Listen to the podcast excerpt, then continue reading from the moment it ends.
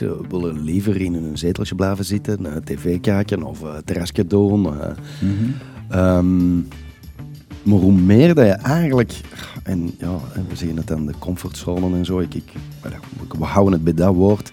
Hoe meer dat je naar die grens gaat, hoe meer dat je eigenlijk kan groeien en meer uh, de stress die mensen ervaren kunt um, um, een plaats geven. Leren en, de, beheren, en leren beheren, beheersen en groeien. Hallo, mijn naam is Peter Perceval. Welkom bij Keerpunt, een podcast over gewone mensen die buitengewone keuzes maken in hun leven. Mensen zoals u en ik, die geconfronteerd worden met uitdagingen, hindernissen, veranderingen in hun leven en die daarop buitengewone andere keuzes maken en vertellen over de manier waarop ze dat hebben gedaan, omdat het voor iedereen inspirerend kan zijn. Indien u nog meer van deze podcast wil zien en horen, kan u zich inschrijven op onze nieuwsbrief op www.inspiringspeech.be en ook kijken op Vimeo, YouTube, Spotify, Apple Podcast, Google Podcast en Soundcloud. Mijn gast in deze aflevering is Dirk van Spitaals. Al bijna 25 jaar brandweerman. Een job die fysiek en mentaal bijzonder veel eisend is, ook al omdat hij tijdens zijn job de dood al verschillende keren in de ogen keek. Zelf ontkoppeld en ontkoppelde Dirk vooral graag door grote fysieke uitdagingen aan te gaan, zoals oriëntatielopen van 250 kilometer bijvoorbeeld. De inspanningen brengen hem tot bijna mystieke ervaringen die hem geleerd hebben om zonder stress in het leven te staan. Want zoals je zal horen, om te kunnen herademen, moet je vooral eerst leren ademen. Welkom Dirk. Dank u, Peter. Het is de eerste keer dat wij elkaar in levende lijven ontmoeten eigenlijk, hè, Dirk? Dat klopt. Ja. Ja. Want we hebben elkaar Ik- alleen maar online gezien. Ja, ja, dat is al even geleden, denk ik. Dat is al een tijd Ja. geleden. Ja, Ik heb geen flauw idee wanneer. Maar er is een verhaal dat jij, me, dat jij toen verteld hebt, dat mij ontzettend gefrappeerd heeft. Op die, in die mate dat ik het ook meegenomen heb in een van mijn TEDx-speeches. Ah, dat is straf niet overvallen me. Ja. Ik denk dat dat destijds ging over ehm, relativeren en lachen Ja, eh, zo was in het. moeilijke omstandigheden. Ja, ja. Ja. Want jij bent brandweerman, Ja, 23, 24 jaar nu al. bijna, bijna 25 jaar. Ja, in Antwerpen. We hebben er nu daar net over gezwanst, maar krijg jij een speciale jubileumgeschenk als je 25 jaar brandweerman bent? Eh, mijn kolonel moest het zien eh, en die zou mij iets willen schenken, maar ik denk het niet. Dat gebeurt niet. Eh, nee, ja, wel, je krijgt wel iets van de stad, denk ik. Van de stad Antwerpen krijg je er nog wel iets. Voor 25 jaar trouwe dienst. Ja, ja, Zijn er veel mensen die, die echt 25 jaar in dienst blijven? Of een Zeker. hele carrière? Ja. Ja, ja, zeker. Ja.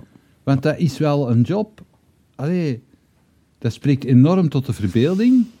Ja. Maar mensen, dat is niet zo evident om te doen, toch? Nee, nee. nee dat, is, dat is niet evident. Dat is zeker niet altijd makkelijk. Eh, ik moet dat niet uitleggen. Als het brand is, dan niet... eh, niet eh, de risico's kunnen niet altijd inschatten. Mhm. Maar er zijn ook wel plezante dingen natuurlijk. Hè.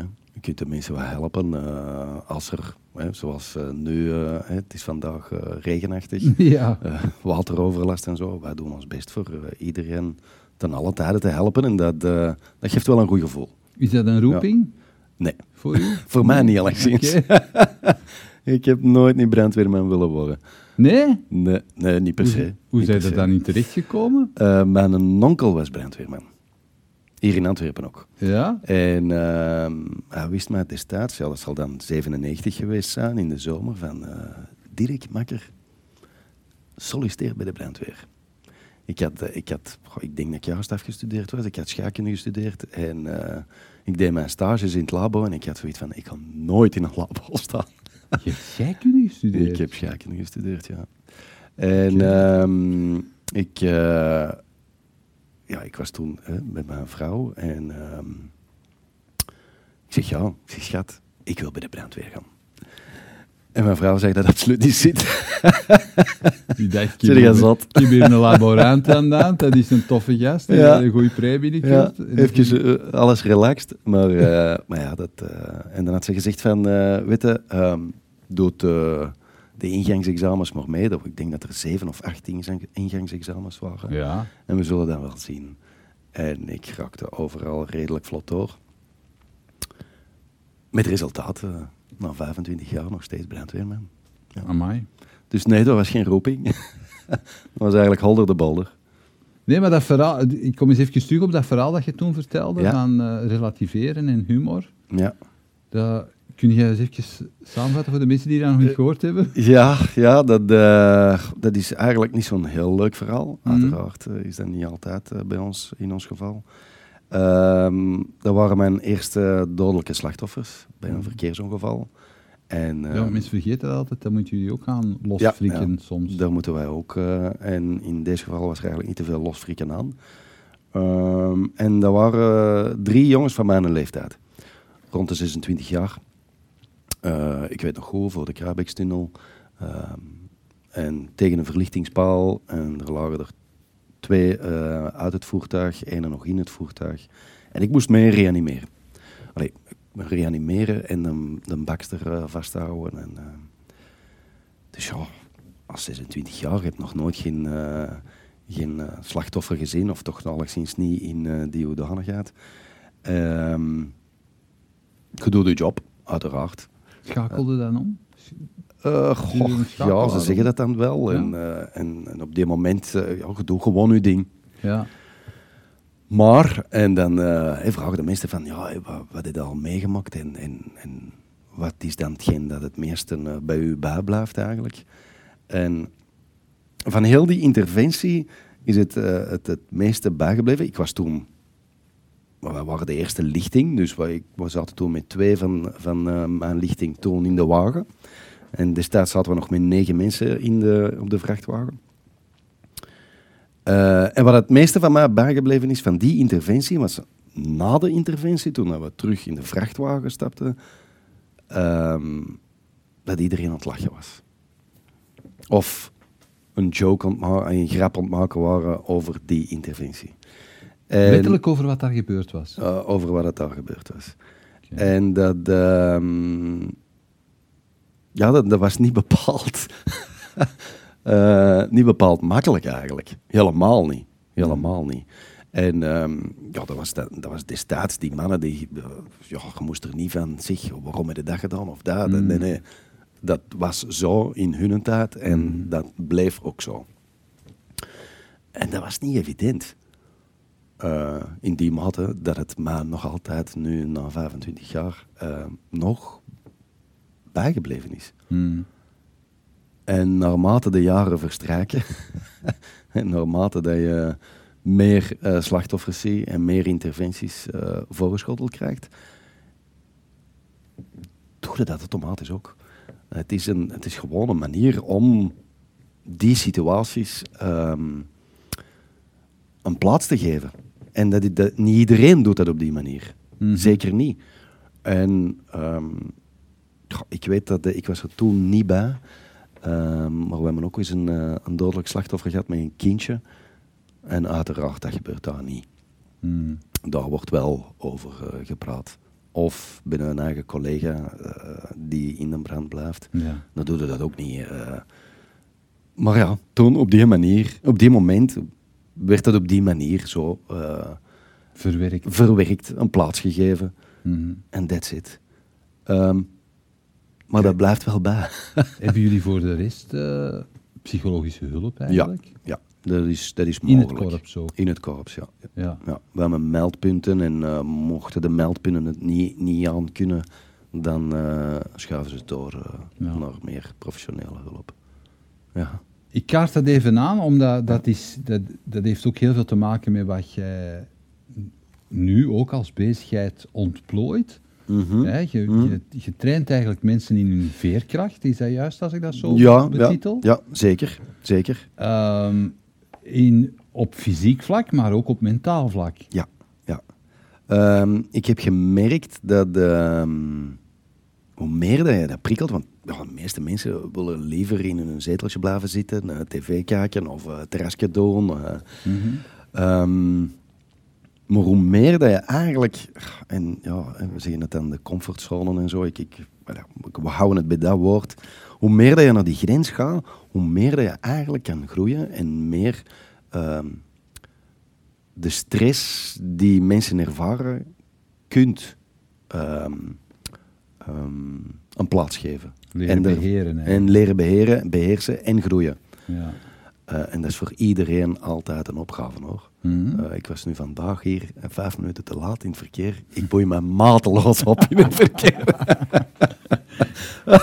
maar het zij zo, iedereen heeft zijn punten zo. Ja. Maar hoe meer dat je dat kan eigenlijk pushen, en ik doe het dan graag op fysiek vlak, mentaal vlak, en ik haal ze dan ook echt wel graag uit hun habitat, en het liefst dan eh, in de natuur. Ehm, en ja, die, de natuur, die connectie daarin, die je maakt, die je kan maken. ehm, de weersomstandigheden zijn ook niet altijd zoals ze dan, ehm, Mhm. eh, zoals we ze graag hebben dan. Hè, de zon schijnen en, eh, en happy happy. Ehm, dat ervaren, daardoor gaan, ja, dat heb ik geleerd in mijn eh, fysieke escapades. Ja, maar Dat dat gaan- eigenlijk, ja. We gaan, dat- er, we, gaan er straks, Ja. we gaan er straks op ingaan, Ja. want je gaat, je- je- het plan is dus dat je op, op eh, retreat gaat, op tocht gaat met mensen Ja. in Noorwegen. Ja, in het hoge noorden. Echt wel hoog, Echt hoog. tegen de Poolcirkel aan. Voorbij de Poolcirkel. Voorbij de Poolcirkel, oké. Ja. En wanneer ga je dat doen? Eh, nu, volgende week dinsdag vertrek ik. Oké. Ja. Ja, met een groep. En je, wil- je wilt dat regelmatig gaan doen daar. Ja, ja, sowieso. Ja. Dat is de bedoeling. Ja. En je hebt dat zelf ook al gedaan daar. Uiteraard.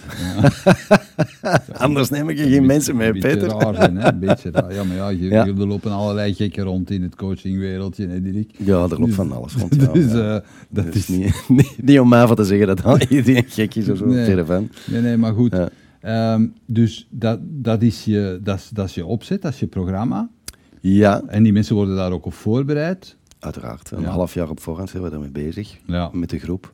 Ehm, is een persoonlijke ontwikkeling. Ehm, en mensen leren daar elkaar dan ook wat beter kennen. Het is ook altijd steeds een gemengde groep. Eh, daar sta ik echt wel op. Mhm. Ehm, ik had dat eh, nogal eens gezegd. wa- en jij vroeg ook om mij van, ja, wat heb je geleerd eigenlijk eh, eh, vanuit dat fysiek gebeuren en zo. Ehm, en je moet goed begrijpen, als, wij de- als ik destijds in mijn fysieke escapades, er was het is een team van vier, waar er drie mannen bij zijn en één vrouw. Mhm. Verplicht, er moet een vrouw bij zijn. Ehm, en je denkt eigenlijk altijd, ja, je moet die vrouw eh, bepamperen of, of hey, je moet ze helpen ontlasten, en, ja. en ontlasten en doen en zo. En ik heb zelf ook die fout wel eens gemaakt. Eh, maar na drie dagen en twee nachten, ehm merendeel van de tijd staan die vrouwen er nog, eh, nog sterk hun, hun peentje te zetten. Die gaan er echt nog wel voor. En dan hebben wij mannen merendeel even een dipje. Dus dat is ook niet, ik kan, hem, ik kan het zeker niet veralgemenen, eh, maar die laan zie je wel. Die vrouwen, die vrouwen hun energie, die, die, hè, wij als man in het begin, bam, wij vliegen, er, wij vliegen erin. Hè? Ehm, maar op het einde van de rit zijn de vrouwen wel merendeel die de mannen gaan trekken, duwen, voor naar de finish te geraken. En ehm, daarom dat ik eigenlijk ook wel graag die gemengde groep, die, Ja. die kracht zowel van die vrouw als die man samenvoegen. En dat ook wel laten zien. Ja. Zeg, Dirk, maar je zegt al, hè, mijn fysieke escapades, Ja. dat heeft ermee te maken dat jij je, je hebt eh, ultralopen gedaan, of doet dat nog? Hè? Eh, minder nu. Ja, voilà. Maar als we spreken over ultralopen, over hoeveel kilometer gaat dat dan? Eh destijds was dat eh, 250 kilometer non-stop. Ja. Non-stop, dus echt zonder slaap ook. Want Ehm, daar ben je toch Dat mocht je zelf invullen. even mee bezig, toch? Ja. Hoe lang, hoe lang zijn daaraan bezig? Ik heb ehm, ehm, die een bepaalde toch, de Legends-serie in de Ardennen. Eh, dat was in de winter, of net na de winter eigenlijk. Eh, maar zoals we allemaal weten, in eh, de Ardennen kan het in eh, maart ook nog wel netjes sneeuwen. ja. En dat was toen ook het geval. Dat lag op de Hoge Venen, denk ik, iets van een, tussen de 30 en de 50 centimeter toen. Dus met kaart en kompas.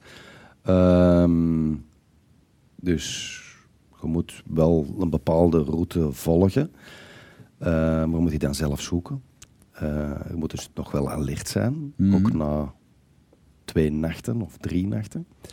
En toen heb ik er eh, 57 uur en 26 minuten. Maar dan slaap je Ja. niet.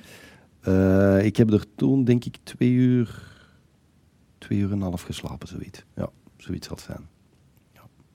Maar dan denk je toch niet meer normaal, Dirk? Na, na 57 uur zie je toch, Toch dan wel. zie je toch beestjes rondlopen, of niet? Eh, ja, ook. Ja, ja, dat is letterlijk een figuur. Allee, je ziet echt wel, eh, je begint eh, is in, het, in het vakjargon, zoals we dan zeggen, eh sleep monsters. ja? En ik weet dat ik toen, dat was, ehm, eh, ik denk dat we toen rond 210, 220 kilometer zaten, onze laatste nacht.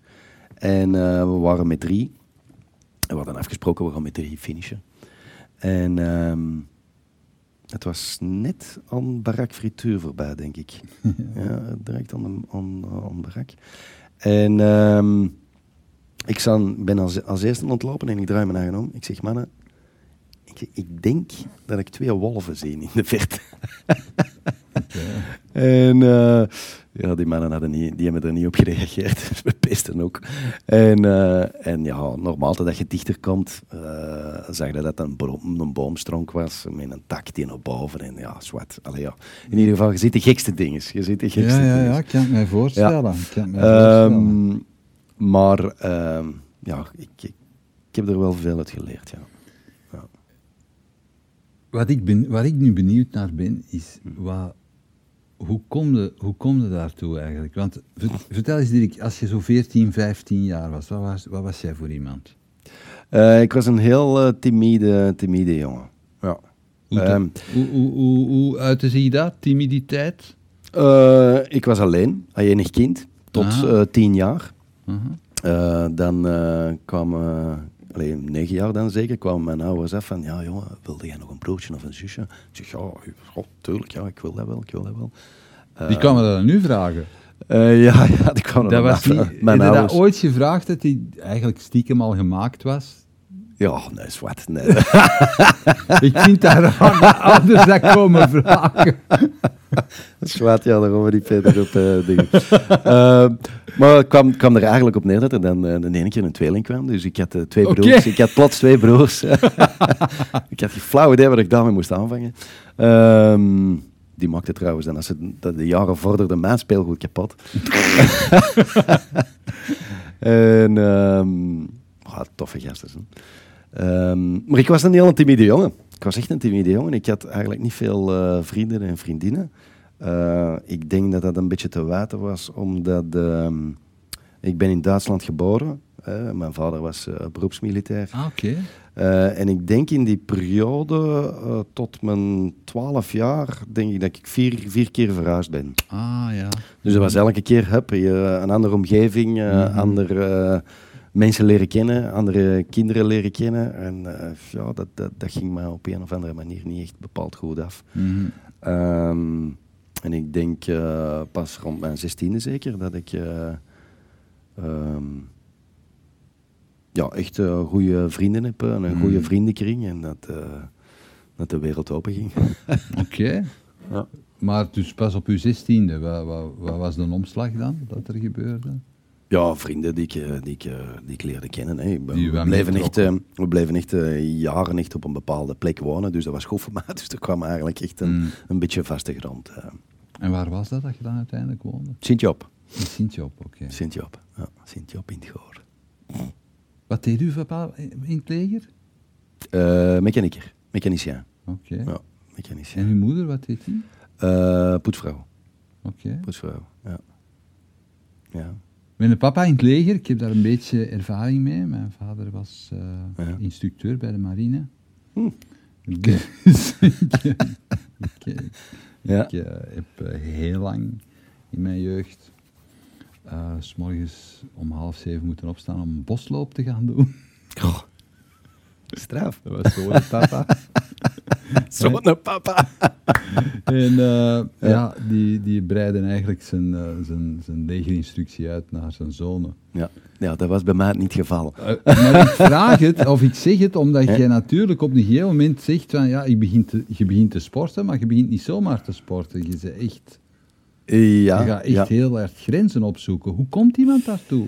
Ehm, wel, dat, het is, het is ehm, gehaal had ook een klein beetje naam. Ehm, dat is gekomen door mijn vader.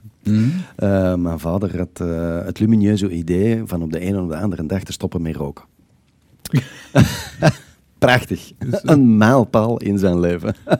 En hoe lang had hem gerookt dan? Eh, geen flauw idee. Ik was toen denk ik ja, ook eh 10, 11, 12 jaar zoiets. Ja. En ehm, hij vroeg mij van, makker, ga je met mij lopen? Want hij wou, hij stopte echt. Hij is, ik zeg maar iets, ik weet niet meer welke dag. Hij is vrijdags gestopt met roken. En hij zei, en morgen begin ik te lopen. En ehm, ja, van de ene op de dag, andere dag stoppen met roken, beginnen lopen, ja, was niet zo'n top idee. Eh, maar we liepen blokje rond en hij vroeg aan mij van, ja, loopt er mee? Dus ik liep mee. Ehm, maar eh, ja, ik heb mijn vader ervoor hebben we nooit niet echt veel gebabbeld. Dus ja, hij werkte altijd, hè, ehm, centjes binnenbrengen. We hadden het ook niet altijd zo breed. Ehm, en, en als papa in, in zijn extreme vorm, dat was niet van, oké, ik loop ene keer en ik loop volgende week ook nog eens ene keer of twee keer. Nee, nee, dat was stoppen met roken, elke dag beginnen lopen. Dus we liepen, dus daar misschien, ja. Dus ik heb er iets van als vader meegekregen. en eh, ja, we liepen dus elke dag, ik weet niet hoe lang, eh blokje rond. Tot op een gegeven moment dat hij zei, goh, dat blokje rond, ik kan eigenlijk nu wel meer. Dus dat was blokje rond, er waren twee blokjes rond. Dat was toen in Sint-Job al. Ja. Ehm, en van blokje rond maandag tot vrijdag was het zaterdags. Ah, zaterdags gaan we eens even het bos in, gaan we eens verder. en zo groeide dat en groeide en groeide dat. Ehm, maar wat er eigenlijk, ehm, en dat, dat, dat valt pas jaren later op, eh, in mijn geval dan toch. ehm, ja, daarvoor zag ik ons papa niet zoveel. We praten ook niet zoveel. Maar tijdens dat lopen ja, werd er meer gebabbeld. En er werd iets wat dieper over dingen eh, doorgegaan. Jij- Eh, zelfs als tienjarige ineens. Waren zo, Ja, ik zeg, de- ik, zeg dan, ik zeg dat nu, maar we hebben dat jaren gedaan. Hè. Dus ja, dat kan zijn eh, na, na twee jaar, dat is wat dieper en is wat dingen. Hè. Ja. Hè, ehm, je wordt zelf ook wat groter, je gaat naar het middelbaar. eh hè, makker, hoe is het? eh, en, en zo verder enzovoort. Tijdens het lopen. Tijdens het lopen, ja. Oké. Ehm, maar het grappige is dat ik dat eigenlijk pas jaren later, ik denk zelfs 20, 30 jaar later, daar pas doorkwam van, kijk, daarom denk ik eigenlijk dat blijven doen. Daarom denk ik ook blijven lopen eigenlijk. Dat waren vader en zoon momenten. Ja, ja. Mhm. Ehm, en ik heb dat eigenlijk ook altijd zo eh, ervaren van ehm, sporten is connectie maken. Hmm. En, en, en toen valt veel die frangen niet. Dat is echt pas, pas dat later, later gebeurd.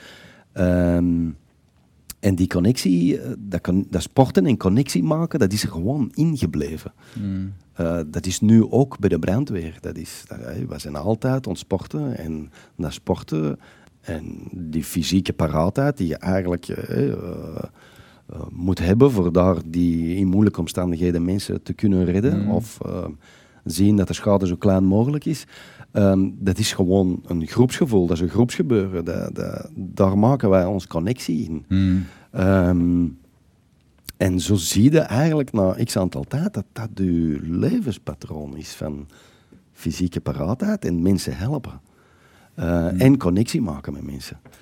Ehm, Hoe werkt die, werkt die connectie makkelijker dan als je die, Voor mij wel, ja. als, als, die, als je fysiek helemaal in orde bent? Of als je Nee, van die inspanningen doet? nee, nee, ik, ik, ik doe dat ook graag. Ik kan een voorbeeld geven. Ja. Eh, ik heb eh, die, die 250 kilometer, eh, ik heb die toen op die 57 uur gedaan. En ehm, ik denk dat we destijds met 60 man vertrokken aan de, aan de start. En gaandeweg na die kilometers hè, komen wij met drie vooraan. We hebben eh, bijna 235 kilometer eh, aan kop gelopen met drie. Ik met nog twee anderen. We kenden elkaar niet. We hadden elkaar nog nooit niet gezien. En we hebben, me, we hebben elkaar echt erdoor getrokken. geholpen. De ene had een moeilijk moment, ah, we pakten dat over. Ehm, ik weet in de laatste CP had er iemand een moeilijk moment. Uh, ja, makker, Benny, slaapt een half uurtje. Hè? Ja. Dan, uh, en daarna zijn we terug weg. En um, we, we zien elkaar niet veel. Helemaal niet veel. Er gaan soms jaren over dat we elkaar nog eens terugzien. En het is nu eventjes, al even geleden. Maar daar, die connectie, dat is voor altijd. Dat is voor altijd. Omdat je samen iets meegemaakt Ja. hebt. Ja. En, en je mekaars pijn daar eigenlijk. En gedeeld en elkaar kwetsbaarheid en noem maar op. eh, gelachen, eh, geschreeuwd. ehm, Mhm. Op zo'n korte periode.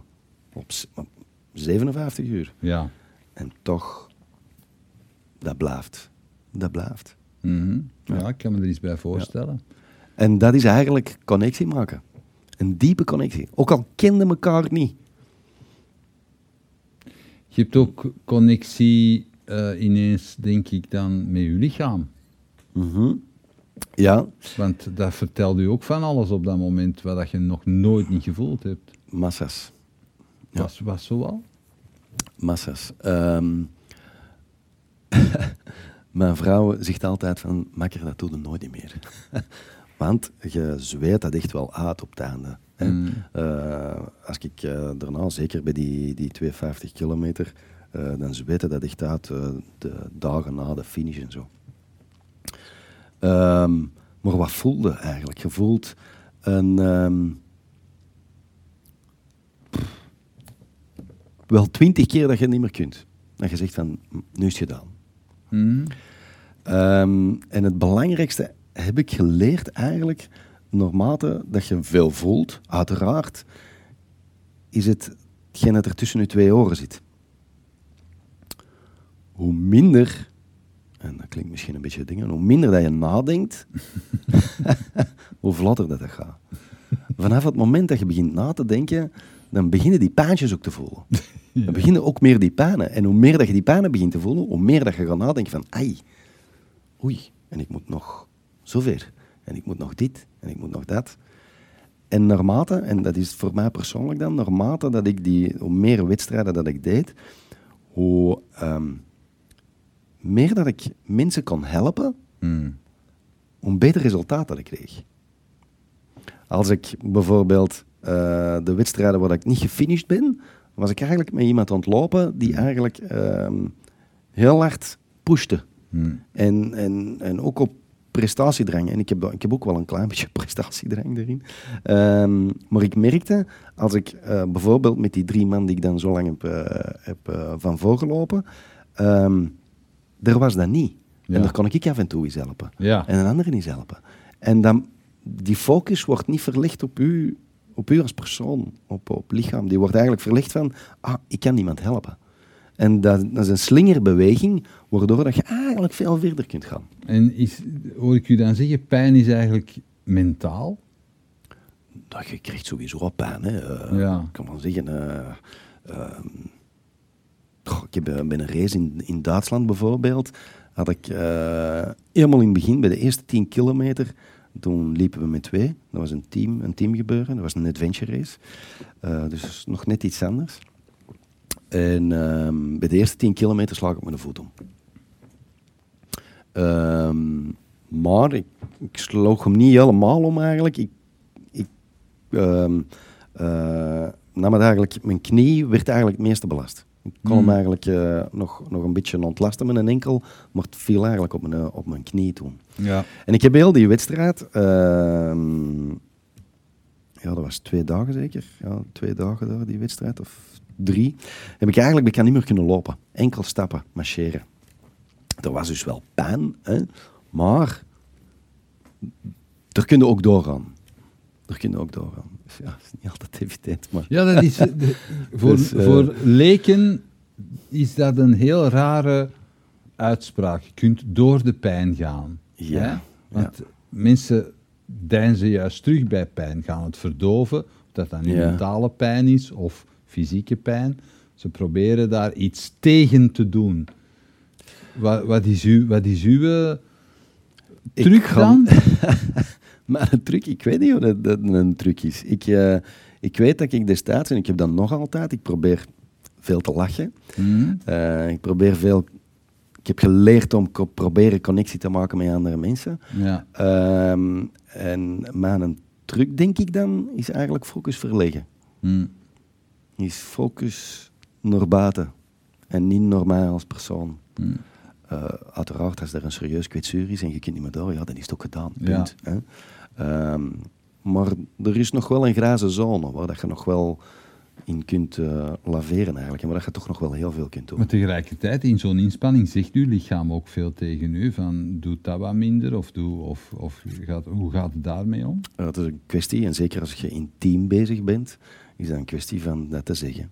Hmm. Van oké, nu gaan we iets trager. Ja. En nu gaan we eens even stappen.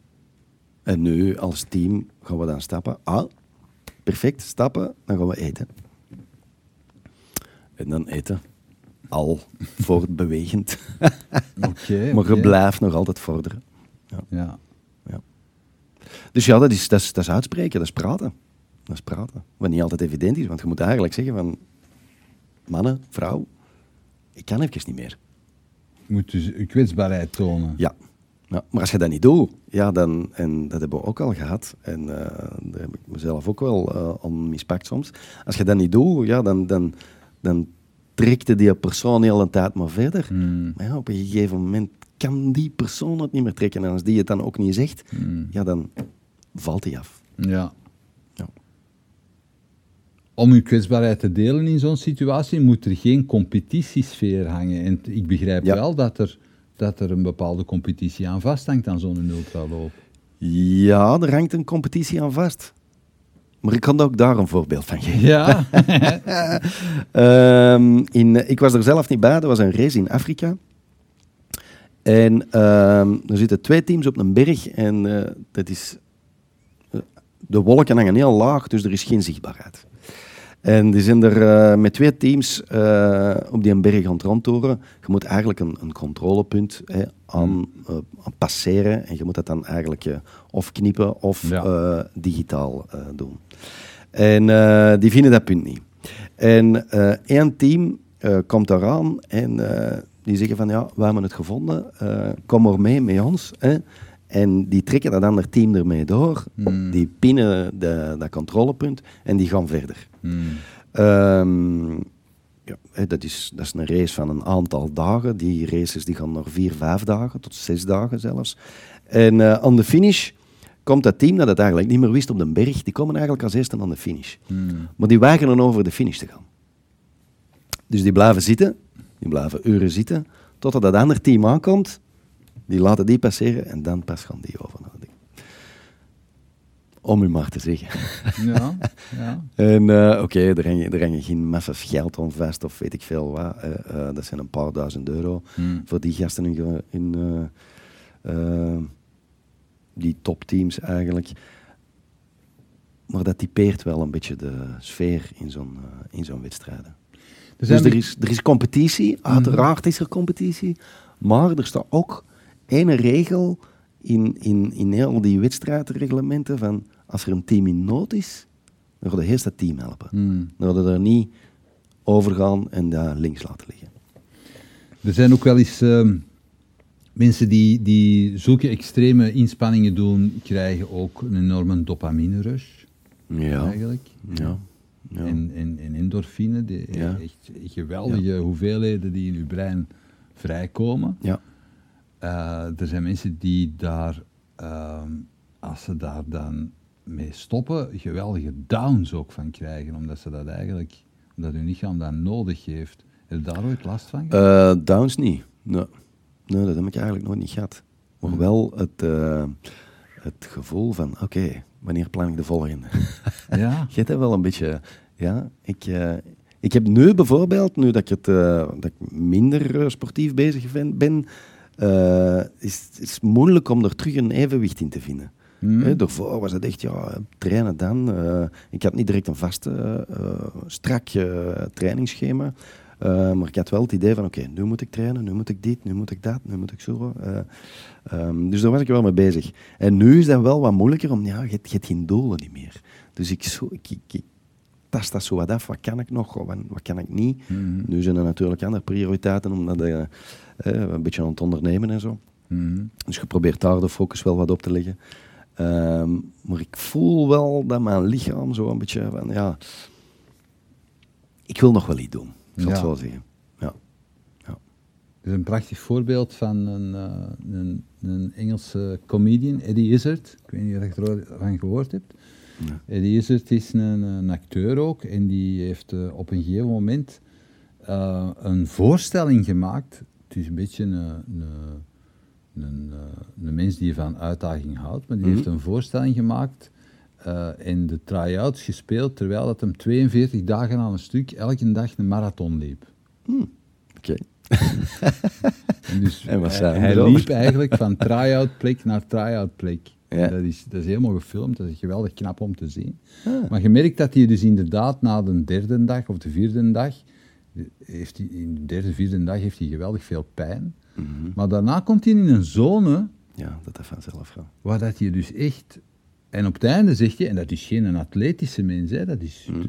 zelfs een redelijk gezette mens. Mhm.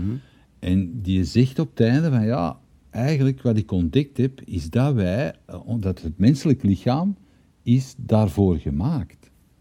Wij kunnen zeker dat aan. Zeker weten. Of dat wij gemaakt zijn, daar, daar kan ik niet, mij, niet over uitspreken. Maar ik had alleszins het gevoel, uh, wij kunnen veel meer dan dat wij denken dat wij kunnen. Ons lichaam is gewoon gigantisch sterk. Gigantisch sterk. Te- Ben jij al door grenzen gegaan waarvan je dacht, ik, dit, dit, eh, ik dacht niet dat ik het in me had? Ja, ja. Vooral, eh, er, zijn, eh, er zijn etappes in die wedstrijden, ehm eh, kajak-etappes. En ik heb, ik heb het zo niet met water. ja. Dus En- dan heb je dagen gelopen en dan worden nog eens in een kajak, kajak gezet. Ja, dat is het adventure race. Hè. Dus dat is eh kajakken, mountainbiken, eh, lopen, trekking, al hetgeen dat de, de organisatie u zich voorschotelt. of of dingen, zolang dat het maar niet gemotoriseerd is. Ja. Ehm, maar moet je je voorstellen, dat zijn dan soms op een zeekajak ehm, ja, acht uur, negen uur ja, in de Mm. boot. Ehm dat weet ik. Dat was echt niet voor mij. Daar weet ik zat van. dan heb ik momenten echt goesting voor die pedal van hier, stop. En dan toch doorgaan. En dan daarna, dan denk je van, dan, dan zit je in die kajak en dan denk je, het gaat niet meer. En dan stap je uit die kajak en dan moet je beginnen lopen. En dan die eerste 100 meter, pff, ja, dan, dan is het geen vette. Hmm. Maar daarna, bam, dat gaat dan weer terug. En dan denk je bij je wagen van, ja, oké, ik zat twee, drie uur geleden in die kajak. ik, de pedal, eh, er stonden mijn tanden in en ik had geen goesting meer. En hup, een paar uur later zijn we terug aan het lopen. Ja. En een dag verder zijn we nog altijd bezig. Of dan moeten terug in die kajak springen. Is lopen je favoriete onderdeel? Ja, lopen is mijn favoriet Ja. onderdeel. Ja. Want, want daarnaast is het in, in, in, in de, de, de, de wild... eh, wat, is het? Een een natuurloop? Of hoe heet het? het? Trail, trail, ultralopen. hè. Je hebt het ultralopen op zich, hè, of je hebt het, eh, het adventure racen. Hè. Ja. Het adventure racen is eigenlijk eh, eh, multidisciplinair met vier, drie mannen, één vrouw, minstens één vrouw. En ehm, En er komt zwemmen ook bij. Zwemmen ook, ja. Zij met een zucht. Zwemmen. Zwemmen ook, ja. ja ik, had, ik had eens voor een race in Denemarken. eh, en ik, we, hadden- we moesten een kilometer zwemmen. En ik ben absoluut geen zwemmer. Ik ben geen waterrat. En eh, ik zeg, kom, ehm, een collega van mij leert mij zwemmen. en eh, dus Krauw, hè, Krauw, en ja, die zag mij in de Wezenberg hier eh, een, eh, een dingetje, een, eh, een baantje zwemmen. Die zei, Dirk, kom, we gaan het babybad. ah, en dan werk, ik, dan, dan werk ik dan echt van, ah, dat krijg ik het. Hè. Ik zeg, oké, ja, we doen dat dus. Dus maar we zijn in eh, Denemarken terug. Hè. Maar even voor dat te schetsen. We zijn in Denemarken en eh we hadden juist gekajakt. Eh dat was dan s'nachts. En ik was gekanteld met de kajak en ik had, eh, ik had onderkoeling. Dus ik was... eh, we hebben die kajak toch nog gedaan. Ehm, maar ik moest de kajaks mee eruit eh, trekken uit de, uit de rivier en ik stond zo te shaken. En ik kon ook niet meer praten. Eh, maar de etappe na het kajakken was het zwemmen. En uh, dus die mannen, die, daar, we mochten daar, er was een kampvuur daar. En er was een, een, een, een, assistentie bij, dus daar, mm. er was een slaapzak en zo. Dus die hadden mij uitgekleed, pam, slaapzak in, opgewarmd, warme chocomel, terug opgewarmd. En ik denk drie kwartier later zat ik in de wetsuit voor te zwemmen. Dus ik had trainingen gedaan voor die kilometer daar te zwemmen. En uh, dus wij springen in het water. Um, en er, je hebt begroeiing, hè, je hebt begroeiing. En deze was het wateroppervlak. En tot daar was de begroeiing. Dus je kon niet zwemmen. dus je, je, je wilt, maar je, je, kunt niet, want je hebt die begroeiing vast. Dus wij moesten door gelijk kikkers zo erover. Allee, dat, was, dat was geen zicht, dat was geen zicht. Um, maar ja, vandaag zwemmen was niet mijn ding. en ik had er juist, ik weet niet hoeveel tijd in gestoken.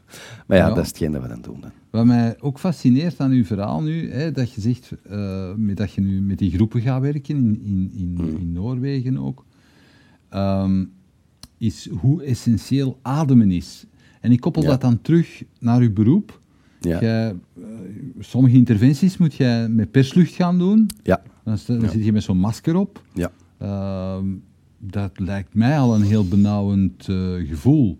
Ja, ja. En uh, uh, wat zeg je dan ook altijd? Ja, je hoort bijna niks meer. Mm -hmm. je ziet bijna niks meer. Je raakt niks meer. Je proeft niks meer. Voelen is eigenlijk het enige wat je nog iets of wat kan doen. Ja. je zet je persluchttoestel op en dan heb je een vol gelaatsmasker. Dus dat is zo. Ja. Dat is eigenlijk een beetje gelijk uh, een uh, duikbril. Dus je zicht wordt ook beperkt. Mm. En als je in een brand uh, zit, dan moet je hand voor je masker houden. Dat zie je bijna niet. Echt? Ja.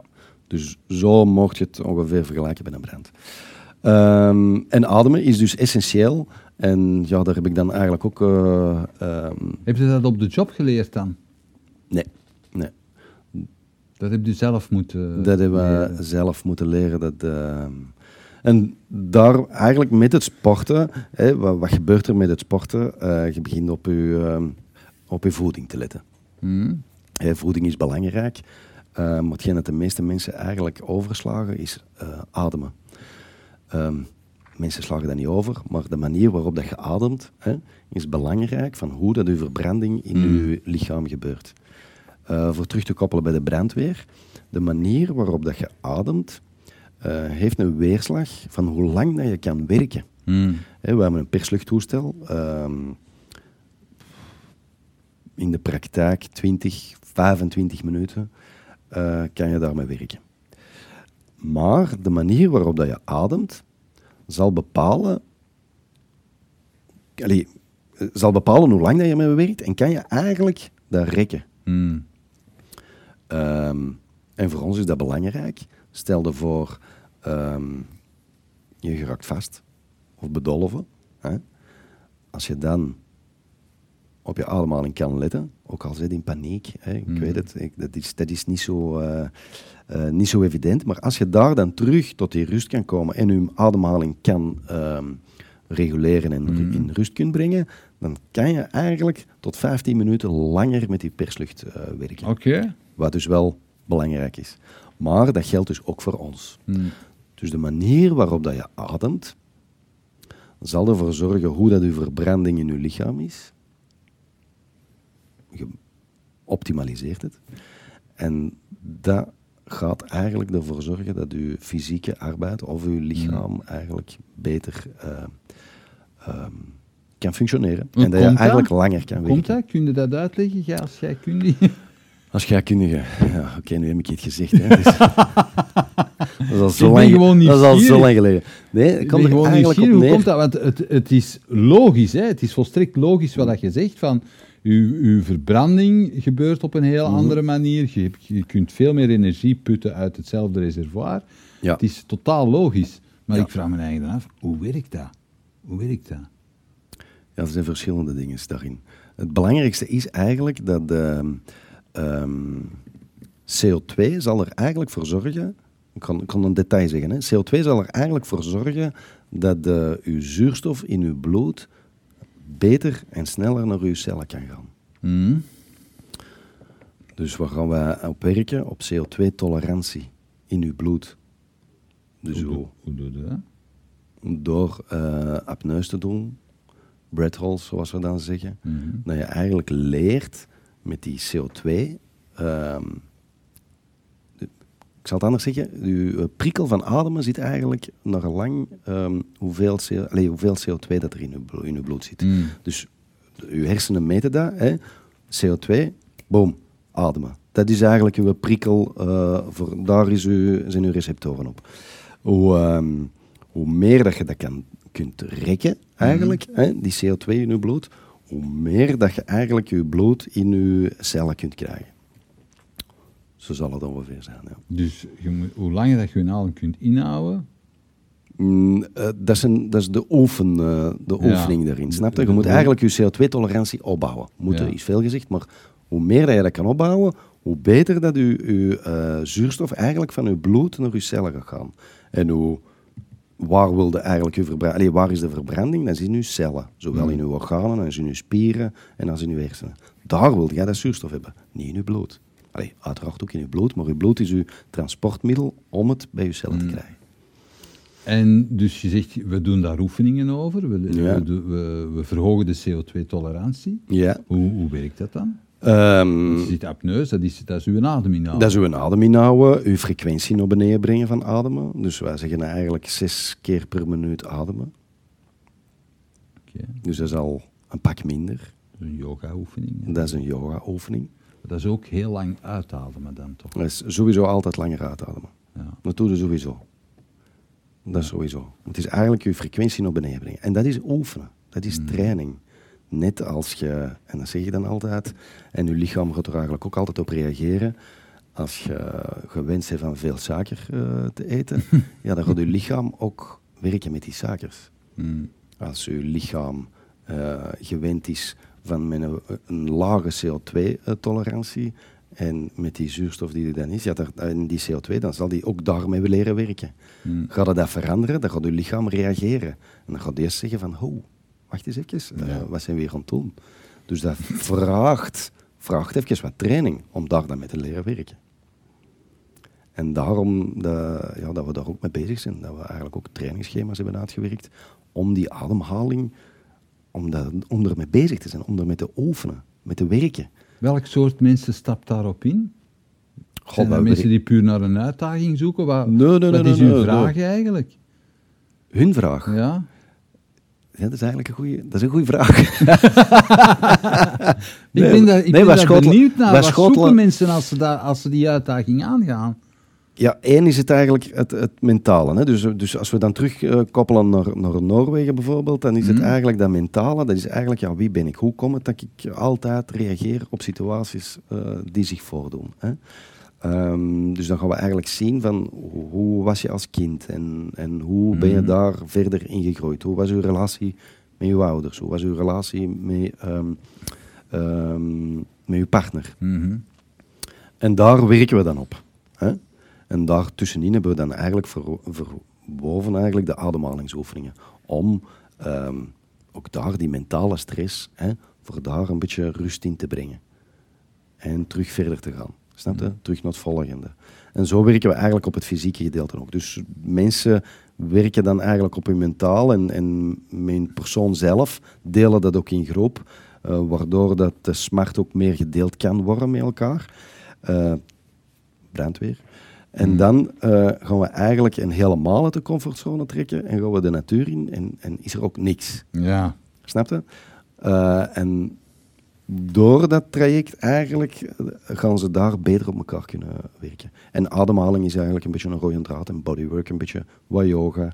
ehm, om mindfulness, om hen daarin Hoe te begeleiden. intensief is dat programma dan? Dat voorprogramma is wel redelijk intensief. Ja. Ja, want als ik het zo hoor, moet je daar echt elke dag mee bezig zijn. toch? Je moet, wel, je moet wel openstellen ook, ja. Je moet er wel Mhm. openstellen daarin. Ja. Dus ja, niet iedereen wil daar ook eh, mee werken. Hè. Dus Nee, wat, voilà, krijgen, wat is krijgen dat- wij nu? Wat krijgen nu mensen? Allerhande.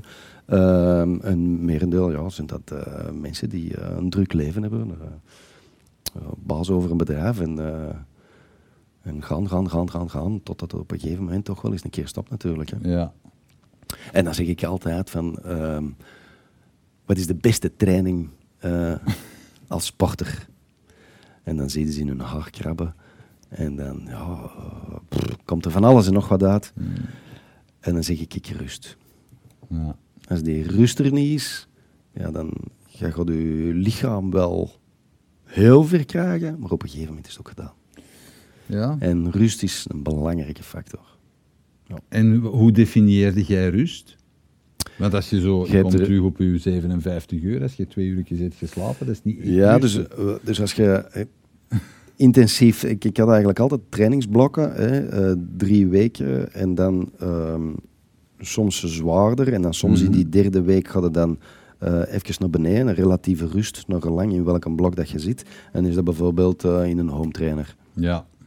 En dan zit je rustig, rustig ontsporten. Dat is relatieve rust. Hm. En echt rust is een week eh, voor de wedstrijd, dan doe ik quasi niets. Ja, ja. En dan ertussenin, bijvoorbeeld, eh, hey, ik liep soms eh, eh, 30, 40 kilometer op een dag. Hm. Maar dan deed ik dat bijvoorbeeld s'morgens eh 15, Hm. eh, s'avonds eh 25 of zo. Ja.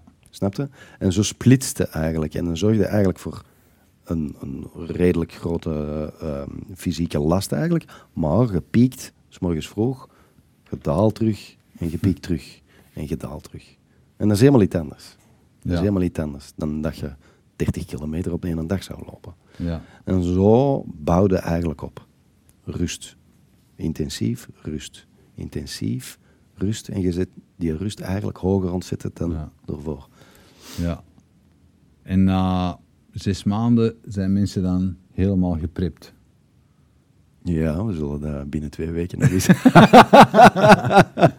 Hetgeen dat wij wel zien is dat mensen, eh, hoe moeilijk dat die vier dagen in die natuur ook is, ze ook wel spijt hebben om daar terug weg te gaan. Om weg van die natuur te zijn. Ja. Ze ervaren er zoveel rust en zoveel kalmte. Ehm, In zo'n, in zo'n onderneming komt ook eh, best wel wat psychologie om de hoek kijken. ja. Voel je daar goed gewapend in? Goh, ik zal nooit niet zeggen dat ik een expert ben. Ja. Ver van. Eh, dat de voortraject is sowieso met een therapeute. Die Mm. daar, eh, Die is erbij ook echt. ja, die is, er, die is erbij. hè, Vanaf, vanaf dag 1 tot Ja. de laatste dag. Hè. De- trouwens, die eerste zes maanden is, is haar traject eigenlijk een beetje ook. Hè. Ja. Ehm, ehm, maar in Noorwegen, ehm, goh, ja, we zijn daar met collega's. Wij werken al 25 jaar samen. We kennen elkaar door en door. We hebben al wel wat gezien. Ehm, ja, wat kunnen de mensen daar wel, wel redelijk goed doorbrengen? Mm. Allee, redelijk goed, heel goed, ik zal het zo zeggen. Kun jij Noors ook? Eh, nee, nee, ja. Jij helske day, kan ik zeggen. Ja. Ja. Ik hou van jou.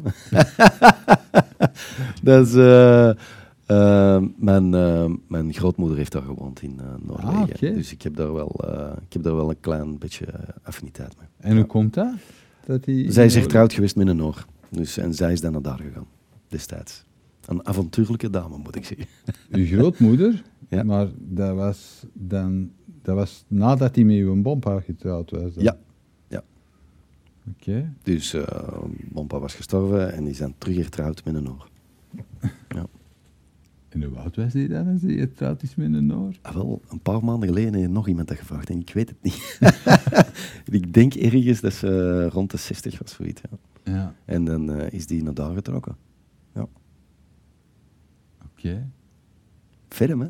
Ja, dat is ferm. Ja, ik vond dat ook ferm. Eigenlijk achteraf gezien, voor eh, zo'n dame, hup, even alles overboord gooien en in Noorwegen gaan wonen. Dat is niet evident. Hoe houd jij jezelf...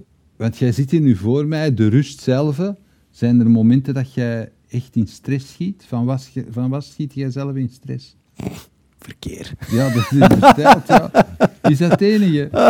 Ja, ja dat, zal, dat zal dus wel wat het enigste zijn, denk ik. Voor de rest eh, valt dat al bij al nog wel goed mee.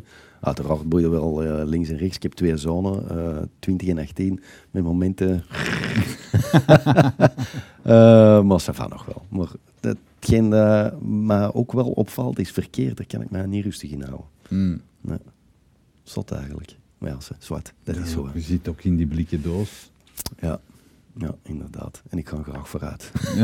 en in Antwerpen is dat niet zo evident. Zeg, hoe belangrijk is vertrouwen op zo'n onderneming? Heel belangrijk. Vertrouwen Dat is in het belangrijkste wat er is. Ehm, dat is eigenlijk ook het- de, de eerste dag waar we op werken, dat is vertrouwen. Mensen gaan hun eigen bloot, echt wel blootstellen voor ons, eh, figuurlijk. Ehm, vertrouwen is superbelangrijk. Mhm. Ja. Eh, dat is in ons job heel belangrijk. Als je wilt dat mensen hun persoonlijk verhaal vertellen, dan ehm, moet er vertrouwen zijn. Punt. Ja. Eh, en in ons job is dat ook het, eh, het belangrijkste. Hm. Eh, ik heb ook al gehad dat, dat ik met collega- collega's in een brand ben en dat je achterom ziet en dat er niemand niet meer is. Ja, dan, dat is niet echt... Vertrouwenwekkend. nee, niet veel is dat dan omdat ze niet mee zijn gegaan of omdat de, de vloer is ingezakt of zo? Nee, nee, want dan zou ik er wel mee. nee, nee, zwart. Dat is helemaal iets anders. Maar om, er- om er te kaderen eigenlijk dat vertrouwen in ons job wel super belangrijk is. En als je een interventie ehm, eh, in, in heel chaotische omstandigheden ehm, tot een goed einde wilt brengen, Mhm. dan is vertrouwen wel het belangrijkste. En zeker als je ze snel wilt laten doen, hoe meer vertrouwen dat er is, hoe, meer dat er, hoe minder woorden dat er zijn Ja. eigenlijk om, om een, een interventie vlot te kunnen laten verlopen.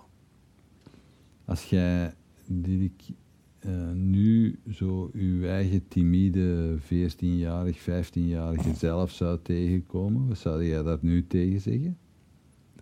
Ehm, je bent goed bezig. Ja, Ja, uiteindelijk is dat... eh, er is altijd een dualiteit. hm? Dus daar eh, heb ik gezien wat timide is, hè? wat dat, dat is en hoe dat je groeit. Dus je, je, je, je groeit daar, je kunt daaruit groeien. ja. En ik, ik kan u echt zeggen, ik, ik durf niks zeggen. Ik had nooit niet bijvoorbeeld dit. eh, absoluut niet. Ik weet nog heel goed een, een, eh, een voorbeeld dat eh, ehm, eh, bij mijn eerste communie, of mijn plichtige communie, denk ik, moest ik foto's gaan trekken. En ik zat daar maar. En die, eh, die mens met zijn, hè, met zijn eh, Met fototoestel, fototoestel, ja, ja, f- allee, ja er, er zat zo niks in. in maar en mijn moeder zei toen nog van, eh, vertel eens iets over uw papa. en bam, ik was vertrokken. Eh, en daar zijn dan de foto's van. Niet of dat goede foto's zijn, dat is wat, maar, om het te zeggen, ik was echt wel heel, eh, Ja. heel in mijn eigen getrokken. Echt, ja. Ja. Ja. Maar, zwart. Dat, dat is, ben ook, allee, dat, dit is ook een deel van mij, snap je? Ja. Ja. Ja. moet dat zeker niet wegstoppen, uh, verre van. Oké, Ja. Dirk. Ik vond het een eh, heel leerzaam gesprek. Ik onthoud dat ik eh, langer uit moet ademen dan inademen. Ja, Om zeker. Maar dat doet automatisch. mijn lichaam meer zuurstof te geven. Ja, dat doet automatisch, je. Ja, sowieso. Of je zit in stress. Ja, voilà. Ik denk, Nee, dat, dat, dan- is, ik denk en- dat dat aan de hand is bij heel veel mensen. Dat Ja. ze zo... Ja. Ja, Als, als ik eh, spreekcoaching doe, kom ik dat ook soms tegen bij mensen die zo, hier, hier ademen. En Ja. dat is, eh, die zetten zichzelf buiten adem, letterlijk. Dat is ook zo. Ja. Ja. Veel te kort aan het ademen. En vooral, zoals je het heel goed laat zien, Ja, als, die, als, je, iemand, als je iemand ziet en de mond is toe en is aan het ademen langs zijn neus, dan is hij merendeel van de tijd rustig. ja, Hij zei. oké. Ja, als die mond open gaat, dan, dan zal er stress. Dan zal er een bepaalde stress zijn. Ja, dat is een feit. Ja. Oké, hartelijk bedankt voor de babbel. Ik wens Dank je heel Peter. veel eh, plezier in Noorwegen. Dat zal wel lukken. Dat er ook niemand niet verloren loopt en zo van die dingen. nee, dan pakken ze wel bij een schrabbernakkel. Oké. En ehm, de, er, zijn, er, er komen nog edities van? Zeker, ja, ja sowieso. Ja. Ja, 28 juni is eh, de infodag. Oké, Ja. Infoavond, ik zal het zo zeggen. we geven het mee voor de mensen die daar alles over willen horen. Bij deze. Bedankt. Dank je, Peter. Bedankt dat je keek naar deze aflevering van Keerpunt. Wil je op de hoogte blijven van nieuwe afleveringen en nieuwe interessante gasten? Abonneer je dan op onze nieuwsbrief via www.inspiringspeech.be. Iedere twee weken brengen wij een nieuwe aflevering online op inspiringspeech.be, YouTube, Vimeo en Soundcloud. Tot ziens.